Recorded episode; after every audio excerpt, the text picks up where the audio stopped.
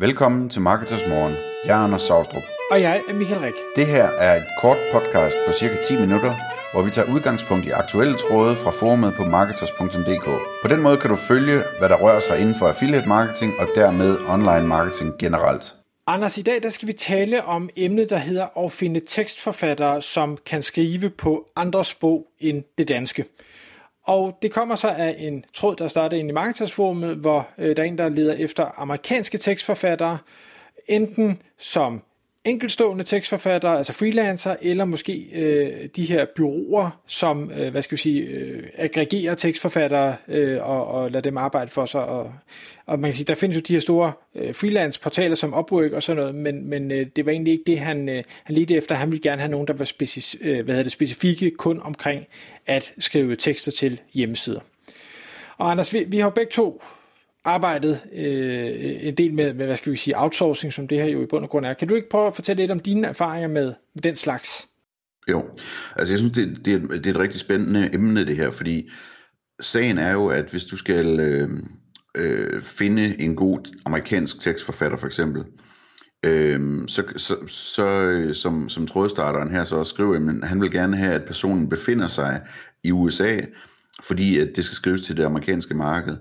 Øhm, og, og, og det tror jeg er en, er en rigtig vigtig pointe, fordi du kan jo sagtens finde nogen, som kan skrive amerikansk engelsk. Altså det kan være, at der endda er nogle danskere, som har øh, valgt at, at øh, lære amerikansk engelsk øh, lige siden folkeskolen, og, og som så skriver tekster i dag. Øhm, og du kan i hvert fald finde en masse på Filippinerne, som, som kan skrive amerikansk engelsk for eksempel. Men det er jo ikke det samme som, at du kan sådan ligesom fange en, øh, en person øh, til at skrive de her tekster, som, som, som sådan rigtig er inde i kulturen, og hvad der rører sig nu, og kender den jargon, som er moderne nu, og, og øh, sådan ligesom forstår, altså følger med i, hvad der bliver skrevet på amerikansk, og hvilken tone der er i det nu om dage, og alle de her ting her og forstår, hvilke udtryk, der er lidt for akademiske, og hvilke der er cool nok, og hvilke der er for cool, og altså det er virkelig, virkelig øh, kompliceret sådan noget med sprog. Og det er klart, at der er masser af tekster, som man kan få skrevet på amerikansk engelsk for eksempel, øh, af en filipiner glimrende, øh, og så er der andre tekster, som er så vigtige, så det, man skal være helt sikker på, at det er en rigtig amerikaner, der, der får det skrevet, ikke? Og jeg tror faktisk, der er en endnu dybere nuance end det, fordi vi skal jo altså huske på, at de er trods alt øh, 380 millioner mennesker fordelt over et gigantisk kontinent, så en amerikaner er jo ikke en amerikaner. Det er ligesom, at de kalder en europæer for en europæer. Det, det kunne ikke være mere forskelligt, altså det er fra jorden og fra Mars.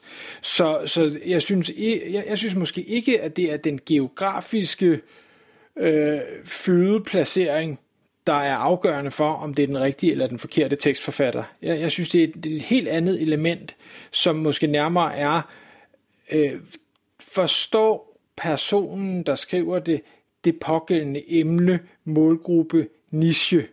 Altså, øh, det er tydeligt, jeg har, jeg har haft nogle, nogle skribenter, der har, har skrevet en masse om, om forskellige øh, have, gøremål, altså klippe æbletræ eller plante radiser, eller hvad sådan man nu har forskellige ting at sige. Og det har været ekstremt tydeligt at se, er det nogen, der bor i lejlighed, er det nogen, der bor i hus, og er det i bund og grund nogen, som har en interesse for måske at have en køkkenhave eller passe sine æbletræer. Fordi det, det er noget helt andet, der bliver skrevet, der bliver, hvis, de har, hvis det er noget, de går op i, jamen så bliver der også skrevet om de, de ting, som rent faktisk er vigtige, så bliver det ikke, hvad skal vi sige, sådan en, en researchet øh, påtagen, nu skal jeg også huske at nævne det, og nu skal jeg også huske at nævne det, og nu skal jeg også huske at nævne det, så bliver det, kommer det i helt naturlig, øh, hvad skal vi sige, væsentlighedsrækkefølge, øh, fordi det, det ved man bare, når man ved noget om emnet. Mm.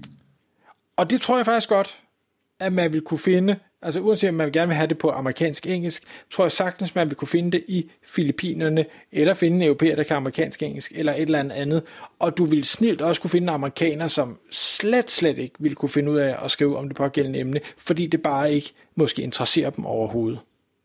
Ja, men det er der ingen tvivl om. Altså, så skal man virkelig ud af en dygtig tekstforfatter, der kan, der kan researche nok til at, at finde den rigtige tone i, hvordan man, øh, beskriver, øh, hvordan man øh, pruner sine æbletræer, eller hvad det nu hedder, ikke? Øh, altså nogle findes også, men øh, så er vi jo oppe i den dyre ende af skalaen.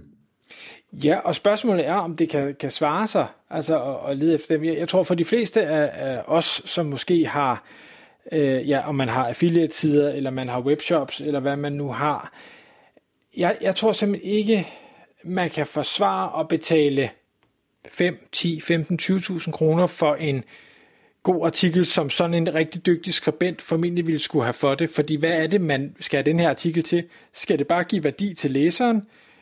Øh, skal man have ham til at klikke på noget AdSense eller et affiliate link? Skal man have ham til at købe et par sokker?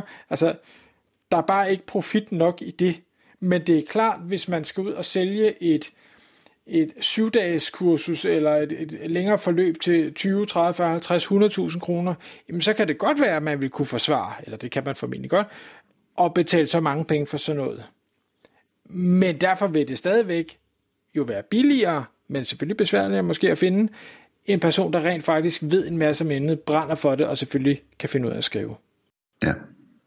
Og så kan man sige, hvordan, hvordan finder man så sådan nogle folk? Altså, der er jo, øh, her der bliver der nævnt Upwork, som jo er sådan en, en kombination af det gamle Elance og det gamle, hvad var det, det hed det andet? Øh, et andet... Øh, Odesk. Odesk, ja, det er rigtigt. Det er lidt ligesom freelancer.com, ikke? Øh, og, og det er sådan en freelance portal, øh, og der kan man øh, sagtens finde det, og som trådstarteren siger her, så er der voldsomt høje fees på det, så man betaler en masse til portalen, ud over det man betaler til tekstforfatteren. Øh, Øhm, og der kan man sige, man kan sagtens bruge sådan et, altså og ligesom betale, sig, betale det, det koster der. Det gode det er jo, at man virkelig kan se en masse reviews, og man kan spørge en masse kandidater og bede dem om at vise øhm, øh, deres tidligere arbejde til en osv. Øhm, og, og så kan man så få lov at betale de her, de her fees for det.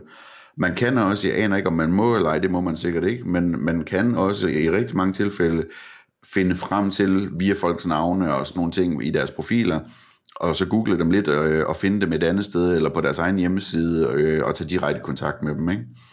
Så, så det, det, er, det er også en mulighed, hvis ellers det er til at øh, så er der sådan nogle mere øh, hvad skal man sige, specialiserede tekstplatforme, altså sådan noget som textbroker.com, som blandt andet blev nævnt her i tråden, øh, som, som også fungerer rigtig godt, og hvor man virkelig på samme måde kan, kan øh, vælge mellem en masse tekstforfattere og, og kan se, hvor gode de er, og hvordan kunder har scoret dem og den slags ting.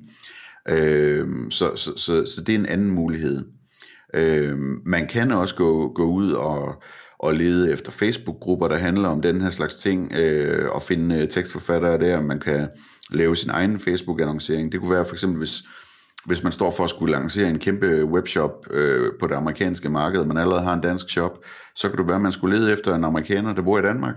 Øh, lave en Facebook-annonce, øh, som øh, er målrettet mod folk, der bor i Danmark, men som er expats fra USA, øh, og, øh, og som interesserer sig for tekster eller eller andet den stil og så få nogle kandidater ind på den måde.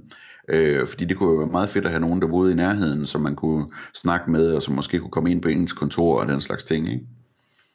Så der, der, der er mange muligheder for, hvordan man, øh, man ligesom finder frem til de her tekstforfattere. Når man så har fundet dem, så, øh, så tror jeg, det er vigtigt, at, at øh, man ikke bare forventer, at det virker. Man skal altid give dem en lille opgave først, og se, hvordan den er løst. Give dem noget feedback og noget hård kritik gerne på den, for at se, om de kan håndtere øh, kritik, og hvordan det fungerer med det. Og så give dem en lille opgave mere, og se, hvordan det fungerer, og så stille og roligt bygge det op.